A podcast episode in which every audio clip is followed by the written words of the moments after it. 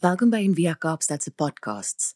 Vir meer inligting of om 'n bydrae te maak, gaan gerus na enviakaapstad.org. Kom ek lees vir ons vandag se skriflesing. Ons lees in Lukas 17 en op sy reis na Jerusalem het hy deur Samaria en Galilea gegaan. En toe hy in 'n sekere dorp ingaan, kom 10 melaatse manne om tegemoet wat op 'n afstand bly staan het. En hulle het hulle stem verhef en gesê: "Jesus, Meester, wees ons barmhartig." En toe het hy, en toe hy hulle sien, sê hy vir hulle: "Gaan betoon julle aan die priesters." En onderwyl hulle weggaan, het hulle rein geword. En een van hulle, toe hy sien dat hy gesond was, het omgedraai en God met 'n groot stem verheerlik. En hy het op sy aangesig neergeval by sy voete en hom gedank. En hy was 'n Samaritaan. En toe antwoord Jesus en sê: het 10 nie rein geword nie. En waar is die 9 was daar niemand onder hulle te finde wat omgedraai het om God te verheerlik behalwe behalwe hierdie vreemdeling nie? En hy sê vir hom staan op en gaan. Jou geloof het jou gered. Ja ek dink ons almal ken die storie van die barmhartige Samaritaan Maar vir my persoonlik, ek wil ek nou die die Malaatses al hoeveel jare al die storie gelees, maar is die eerste keer wat ek hoor van die Malaatse Samaritaan. Ek weet altyd was een wat omgedraai het vir Jesus gaan dankie sê het. Maar ek het nie besef as die Malaatse Samaritaan wat dit gedoen het nie. Um, so ek wil graag begin vanoggend met 'n storie van Fransis van Assisi. En daar's nou nog uh, ouens rede kaal, wel is dit nou 'n mitiese storie of 'n ware storie, maar kom ons vat dit vir vanoggend as 'n ware storie. En die storie gaan so dat hy een aand voor sy bekering, ehm, um, wel hy was skatryk geweest, weet jy, hy mooi aangetrek en hy het uh, op sy perd gespring en so pad na partytjie toe. En in sy gedagtes uh en deel van sy prentjie was God in die arms, dit gaan hier daar aangepas, jy weet, hy was op pad na die partytjie toe. En op 'n baie nou paadjie ry hy met sy perd en op 'n stadium sien hy maar hier lê 'n melaatse weet in die pad en, eh, as jy nou vir Fransis van Assisi geken het weet weet voor sy bekering is dat eh, weet hoe hulle malaatse gelyk het, hoe hulle geryk het, het hom eintlik gegrief. En hy wou verby hy wou verby die malaatse ry, maar die pad was te nou gewees en op 'n stadium sê hy toe afspring van sy perd, hoogs gefrustreerd, eintlik half kwaad, geïrriteerd, bo hy so pad partytjie toe. En hy's op pad om hierdie malaatse weet uit die pad uit te stamp en die oomblik toe hy aan die melaatse raak toe knak iets in hom. En skielik irrasioneel onbeskaamd ongeërg oor die reuk van hierdie melaatse gryp hy die melaatse omarm hom en gee hom 'n soen. En sy lewe Ek dink die Malaatse sin, maar ook Fransis van Assisi se lewe was nooit weer dieselfde nie. In hierdie soen het Fransis die realiteit van God en God se liefde beleef en sy lewe is onherroepelik verander.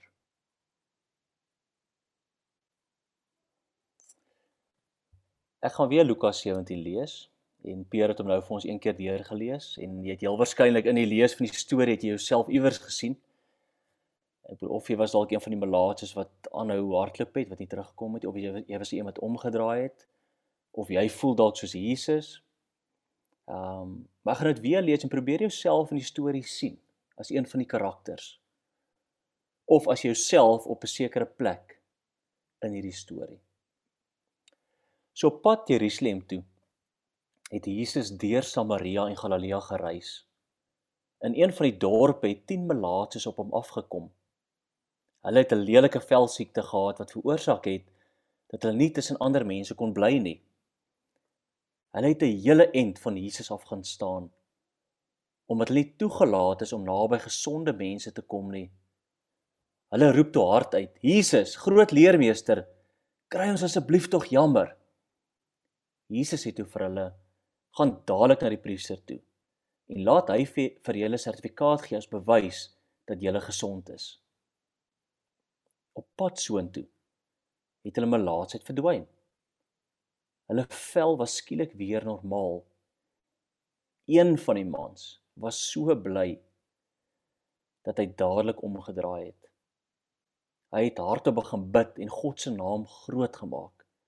Die man het tot by Jesus gehardloop, voor hom die stof neergeval en vir hom dankie gesê. Hy was 'n Samaritaan. En toe sê Jesus vir hom: "Julle is mos 10 persone wat nou net gesond geword het. Nou nou waar is die ander 9 dan?" Dit lyk my hulle glo nie God het hulle eens en vir altyd genees nie. Daarom dat hulle nie omgedraai en kom dankie sê soos jy nie. Jy begryp baie beter as daardie 9 Israeliete wie ek is. Staan nou op en gaan in vrede. Jou geloof het gemaak dat jou saak met God nou in orde is.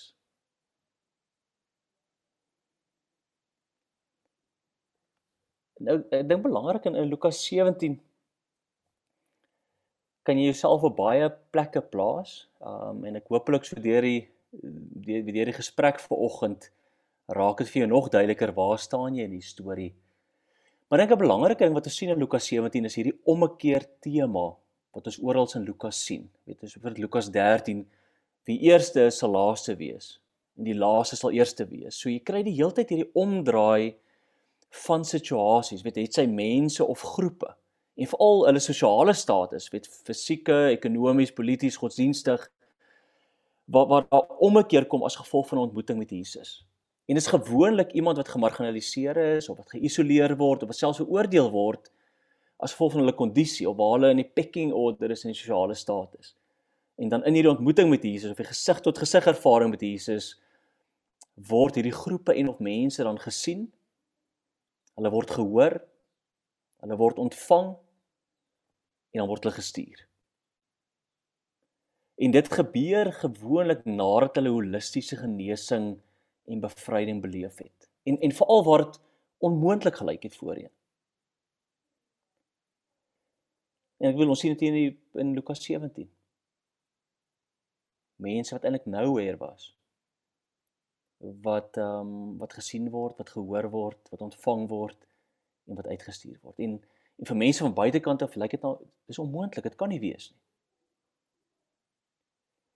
So my eerste fokus van die gesprek is die plek waar Jesus hierdie mense ontmoet het. Of waar hierdie storie afspeel, dis eintlik niemand se land. So Jesus reis deur niemand se land. En ehm um, so hy's op pad na Jerusalem toe. En hy gaan deur Samaria en Galilea. In een van die dorpe het 10 melaatses op hom afgekom. Nou vinnig as jy net kyk na die agtergrond van die van die slide, dan is dit ehm um, in Lion King is daar 'n gedeelte wat die pa, kan nie sy naam onthou nie. Ehm um, vir die seentjies sê, vir die klein leeuetjies sê, sien jy daar so die olifant begraafplaas. Dis 'n borderland, dis 'n niemand ons gaan glad nie daar nie.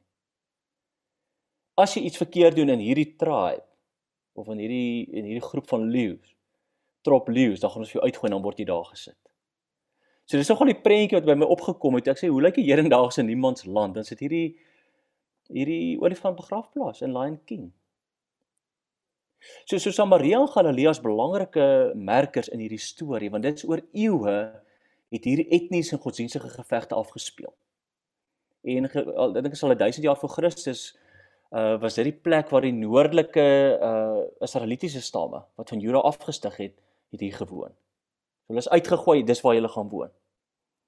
En later is hierdie selfde plek deur die deur die Assiriërs verower en die Mesopotamiërs is ingevoer, so daar het baie ondertrou ondertrouery plaasgevind. So vanuit 'n Judeese perspektief het hier eintlik verbastering van 'n reeds geïsoleerde Jakob familieboom plaasgevind. So dit dis 'n baster groep mense wat jy eintlik hier een kan sit. So dis wat etnies en dis waar die baie gevegte van afgekom het. Vanuit 'n ehm um, godsdienstige perspektief het hy ook dan baie unieke geloofstradisies ontwikkel. Ek dink daar selfs 2000 voor Christus in Galilea het het Galilea bekeer tot Judaïsme en Jerusalem het 'n plek geword van ware aanbidding. So jy kry met Galilea wat ehm uh, Judaïsme het, ehm um, Jerusalem plek van ware aanbidding en tussenin lê Samaria wat eintlik hier in niemands land is. Selfs 128 voor Christus het dinge gewelddadig geword toe die Judeërs die Samaritaanse godsdiens godsdienstige plek Gerizim verwoes het. So die kans is baie goed in Jesus se dag was die spanning steeds tasbaar in Samaria. Soveel so dat mense rondom Samaria sou reis. Omdat dit het sy gevaarlik was of 'n plek was waar jy eintlik nie kom nie. En Jesus sê ek reis hier deur. Ek gaan deur die plek waar niemand wil kom gaan nie. En ek dink dis waar Gloria Anzaldo so mooi skryf oor hierdie borderlands of hierdie niemandsland. Borderlands are more than a geographic boundary. They are a psychic, social, and cultural terrain that we inhabit and that inhabits all of us. She writes that while borders are set up to define the places that are safe and unsafe, to distinguish us from them, a borderland is a vague and undetermined place, created by the emotional residue of an unnatural boundary. The prohibited and forbidden are its inhabitants. so onnatuurlike grens, maar die melaatses met hulle velsiekte word aangetref in niemands land. Hulle word fisiek uh eintlik maar verstandelik geïsoleer. In hulle kop is hulle ook geïsoleer. Ons is eintlik nie deel van mense nie, ons is hier aan die een kant. En daar word selfs hulle ekonomies word hulle onderdruk omdat hulle nie deel is van die groot ekonomie waar gewone mense uithang nie en waar hulle handel dryf nie. En die interessante in Lukas 17 word hierdie niemandsland word 'n heilige plek.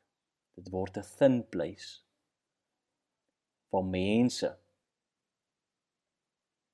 diep bewus word van sy teenwoordigheid. So Jesus kom en hy, hy verander en hy verskuif die fokus eintlik maar weg van Jerusalem maar weg van Galilea af waar die heilige woon of waar die heilige plekke is. En hy uh wat sê reframe niemandsland. Hy reframe uitgeworpen is. En hy sê vir die mense, die storie sê eintlik hierdie is 'n plek waar God opdaag. Hierdie is 'n plek waar God deurgaan. En waar mense hom erken, waar mense genees word, waar mense vrygemaak word. So waar Jesus inbeweeg in niemands land in word dit eintlik iemands land. Die teks skryf dit so hulle het 'n hele end van Jesus af gaan staan omdat hulle nie toegelaat is om naby gesonde mense te kom nie. Hulle roep toe hard uit Jesus groot leermeester kry ons asseblief tog jammer. So in hierdie niemandsland wat 'n iemandsland word, ontvang hierdie 10 melaatses nie net genesing nie, maar hulle neem deel aan genesing. So hulle is nie niemand wat gehelp word deur iemand nie. Hulle word iemand en neem deel aan genesing. En en is interessant, hier is een van drie geleenthede in Lukas waar Jesus by sy naam en as meester aangespreek word. By sy naam genoem word en as meester aangespreek word. En hierdie hierdie aanspreekvorm is eintlik vir disippels of tussen hakies die heiliges uh gereserveer. So hier staan 'n niemand en met groot verwagting soos 'n gelowige voel hulle aan maar hier hier kan moontlik genesing plaas want hier is iemand hier um op wie ek kan vertrou en ek wil dit laat met herinner daai liedjie wat so ruk terug um baie bekend was of nog steeds bekend is What a beautiful name. What a powerful name, the name of Jesus. So in hierdie niemandsland erken die melaatses iemand. En in Jesus se teenwoordigheid word niemand iemand. In niemandsland erken die melaatses iemand, dat 'n aanvoeling hier's iemand anders die iemand wat ons moontlik kan genees en in sy teenwoordigheid word niemand iemand. Want Jesus sien en hy hoor die melaatses. En die melaatses sien en roep Jesus. En wat eintlik hier gebeur En dis hoekom sê hulle neem deel aan hulle eie genesing. Hier's 'n autentieke menslike koneksie wat plaasvind. En in hierdie gesig tot sig menslike koneksie tussen Jesus en die malaatses vind daar holistiese genesing plaas want hulle word genees van hulle velsiekte aan die een kant maar ook van hierdie sosiale isolasie. Sien die malaatses word iemand. Hulle word gesien en dis waar die genesing vir hulle lê. En uh, wel 'n hedendaagse persoon wat hier oorskryf Daniel Berrigan is iemand wat uh, voltyds in 'n in kankersale werk en wat eintlik maar bedien uh weet die die terminaal siekes bedien. En hy skryf so hier oor hy sê when you walk home from work after a day of being with those who are dying he says Your vision clears pretty well, and what your culture offers to you no longer seems so overpowering and irresistible. Concrete contact with the poor and the sick is Christian contemplation. It knocks the scales off one's eyes. So dit gaan albei kante toe, die persoon wat te doen het met die siekes of met die malaatses in die geval die skille val van jou oë af en andersom ook as jy genees word val die skille van jou oë af in hierdie storie en jy sien Jesus raak. En dan iemand skryf oor die reversal given the theme of reversal in Luke the fact that a Samaritan participates in God's healing justice offering praise to God and gratitude to Jesus should not surprise us. As this story challenged people in Luke's time to expand their understanding of who is worthy, who has access to God, and who can claim healing in the name of God, it should also challenge us to think outside of the norms of dominant religious context today. It should also challenge us to think outside of the norms of dominant religious context today. So ek wonder net waar en ek praat myself ek waar bevind jy jouself? Is jy in niemandsland of is jy in iemandsland? Waar sien jy jouself? En en hooplik kan die Samaritaanse storie ons hiermee help. So die Samaritane speel 'n kernrol in die significance van Jesus se lewe hier op aarde. Dit wat hy doen, is 'n hele missie. Hoe selfs in hierdie storie Samaria hierdie niemandsland is die, die deurgang tussen die Jode en die wêreld waar jy bediening. Julle sal my getuies wees in Judea, Samaria en die res van die wêreld. En belangrik, ek bedoel die Jode het heel waarskynlik die Samaritane as vyande gesien. En gewoonlik het Jode nie eers die heidene as vyande gesien nie. Ja, ja die Jode nie eers die heidene as vyande gesien nie. Maar die Samaritane word as vyande gesien. So daar's eeue ou vyandskap tussen Jode en Samaritaans as gevolg van geloof en diep verskille. En ons sien dit in die barmhartige Samaritaan. Net so Jesus in Lukas lees ons die barmhartige Samaritaan en waar die Samaritaan nie net die objek is van Jesus se liefde nie, maar ook die subjek van naaste liefde. En ons sien 'n ontwikkeling in Lukas van wees lief vir jou vyand, Lukas 6. Na die barmhartige Samaritaan, wees lief vir jou grootste en jou slegste vyand. So so wat Lukas kom sê in die barmhartige Samaritaan is sien jou grootste vyand as 'n agent van God se liefde.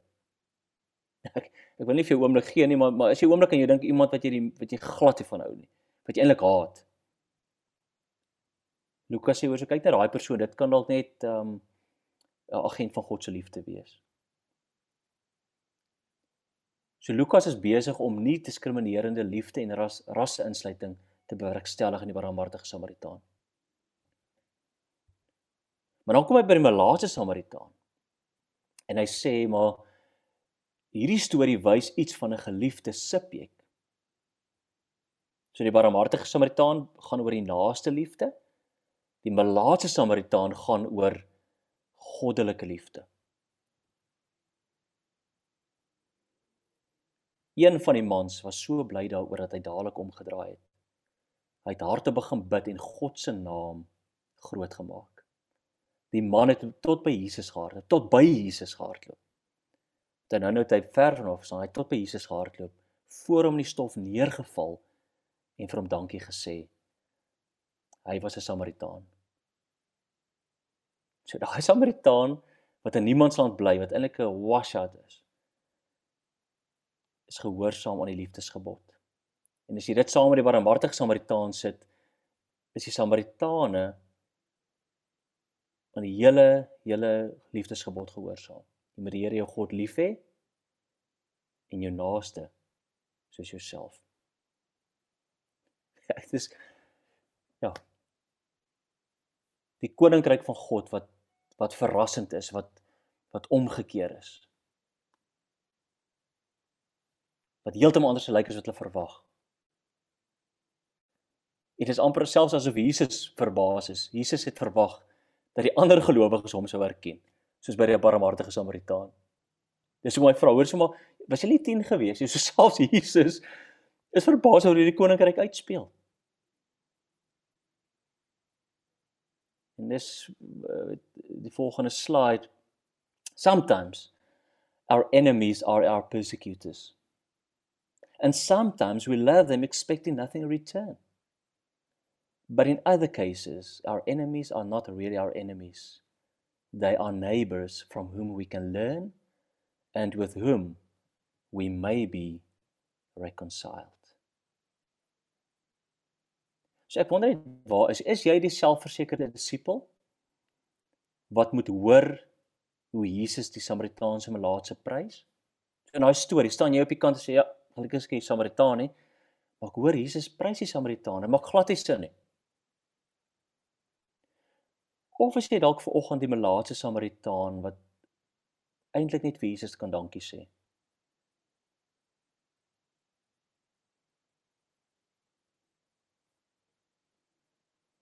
Is jy die selfversekerde disipel? Of is jy 'n melaatse Samaritaan? En belangrik, jy is net waar jy is. Maar dink besef waar staan jy?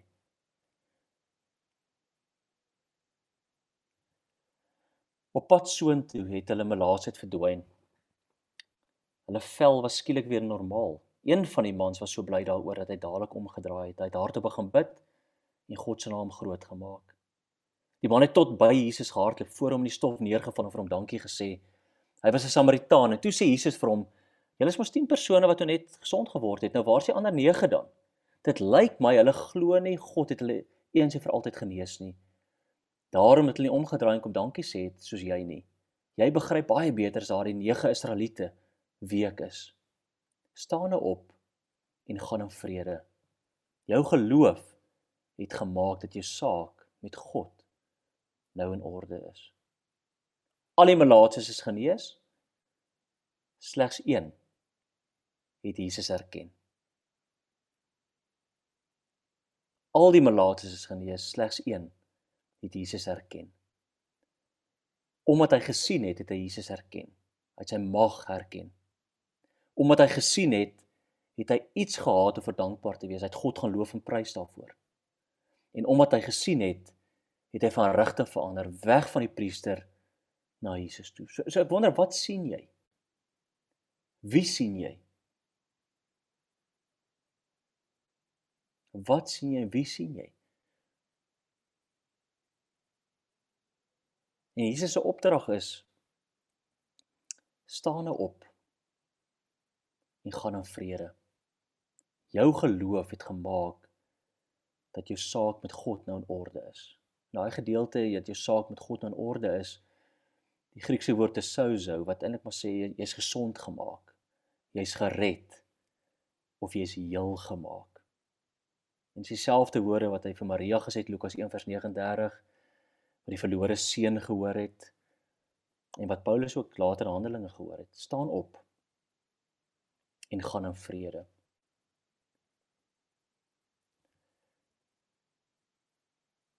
Ek wonder waar is jy in die storie? Waar staan jy in hierdie Lukas 17 storie?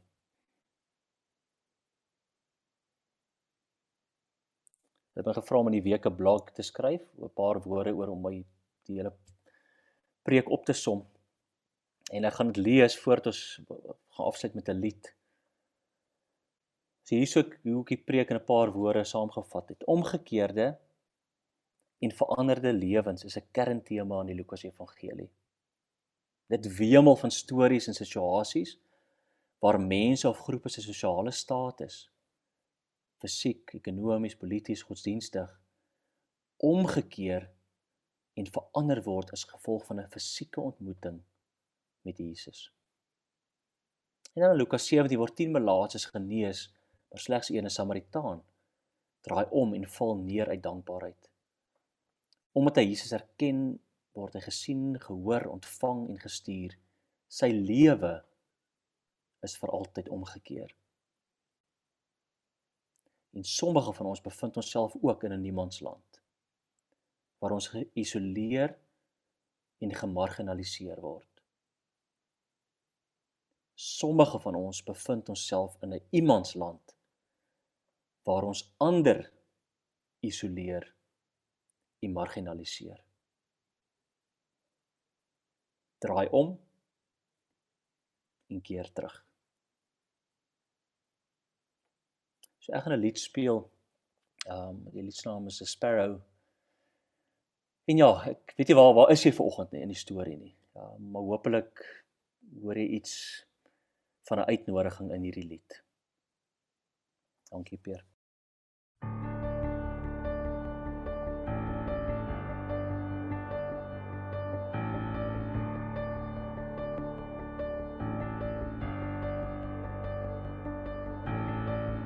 I heard your eyes are on the faithful. You delight in all your saints, but for what of those of us who wander in the darkness and mistakes? Oh, I need to know you see me. With my face down on this floor, have I escaped the scope of mercy? God, is there still more? You see the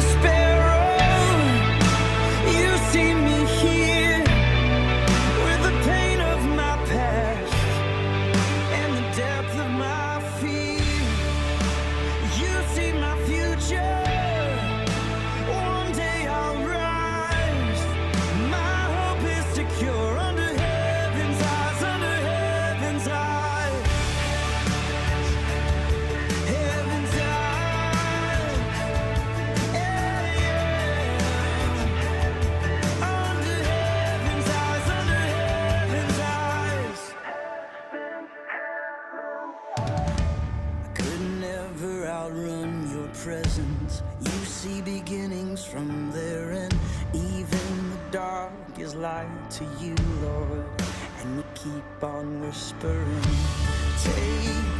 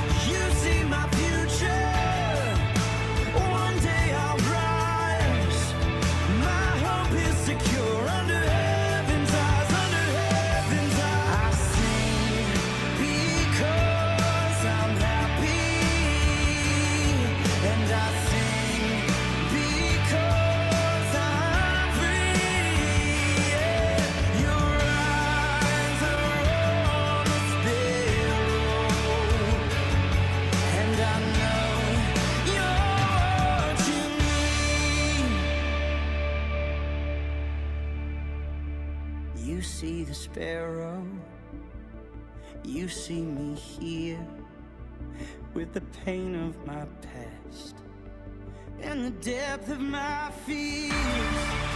But you see my future. One day I'll rise. My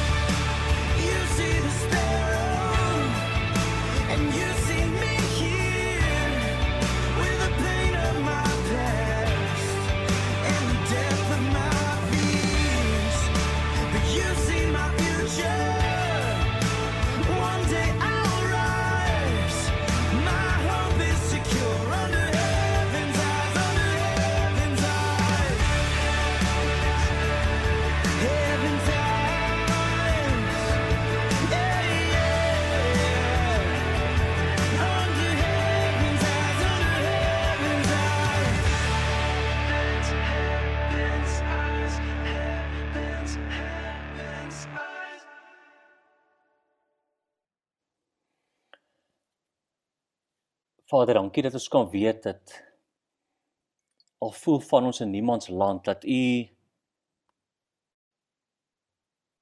ja, dat U vir ons raak sien.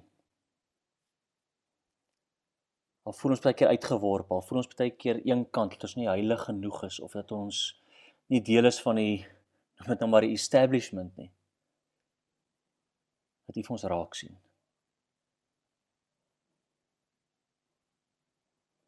En dat U vir ons wil gesond maak en dat U vir ons uitnooi dat U aanhou fluister.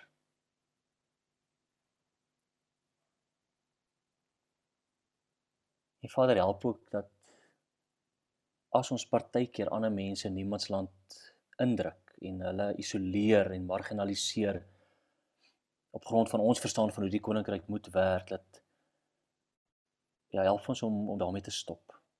Want Vader, ons sien hier dat U die koninkryk baie keer anders as wat ons gehoop het voor of waar ons gedroom het en ons laat dit aan U oor en En al wat ons kan doen is, al wat ek kan doen is om net dankie te sê. Here, dankie dat U vir my raak gesien het.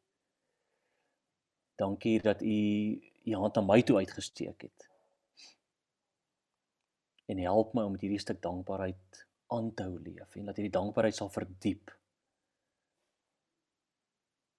Dankie, dankie, dankie. Amen. Ja, dit ehm um, mag hierdie week vir jou 'n tyd wees waarin jy bewus word van van die plek waar jy jouself bevind in jou eie lewe.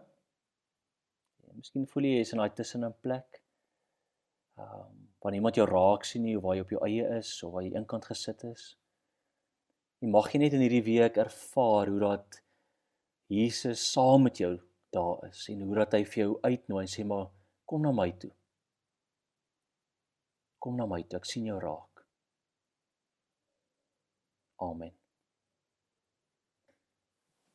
Dankie dat jy saam geluister het vandag. Besoek gerus en via kaapstad.org vir meer inligting.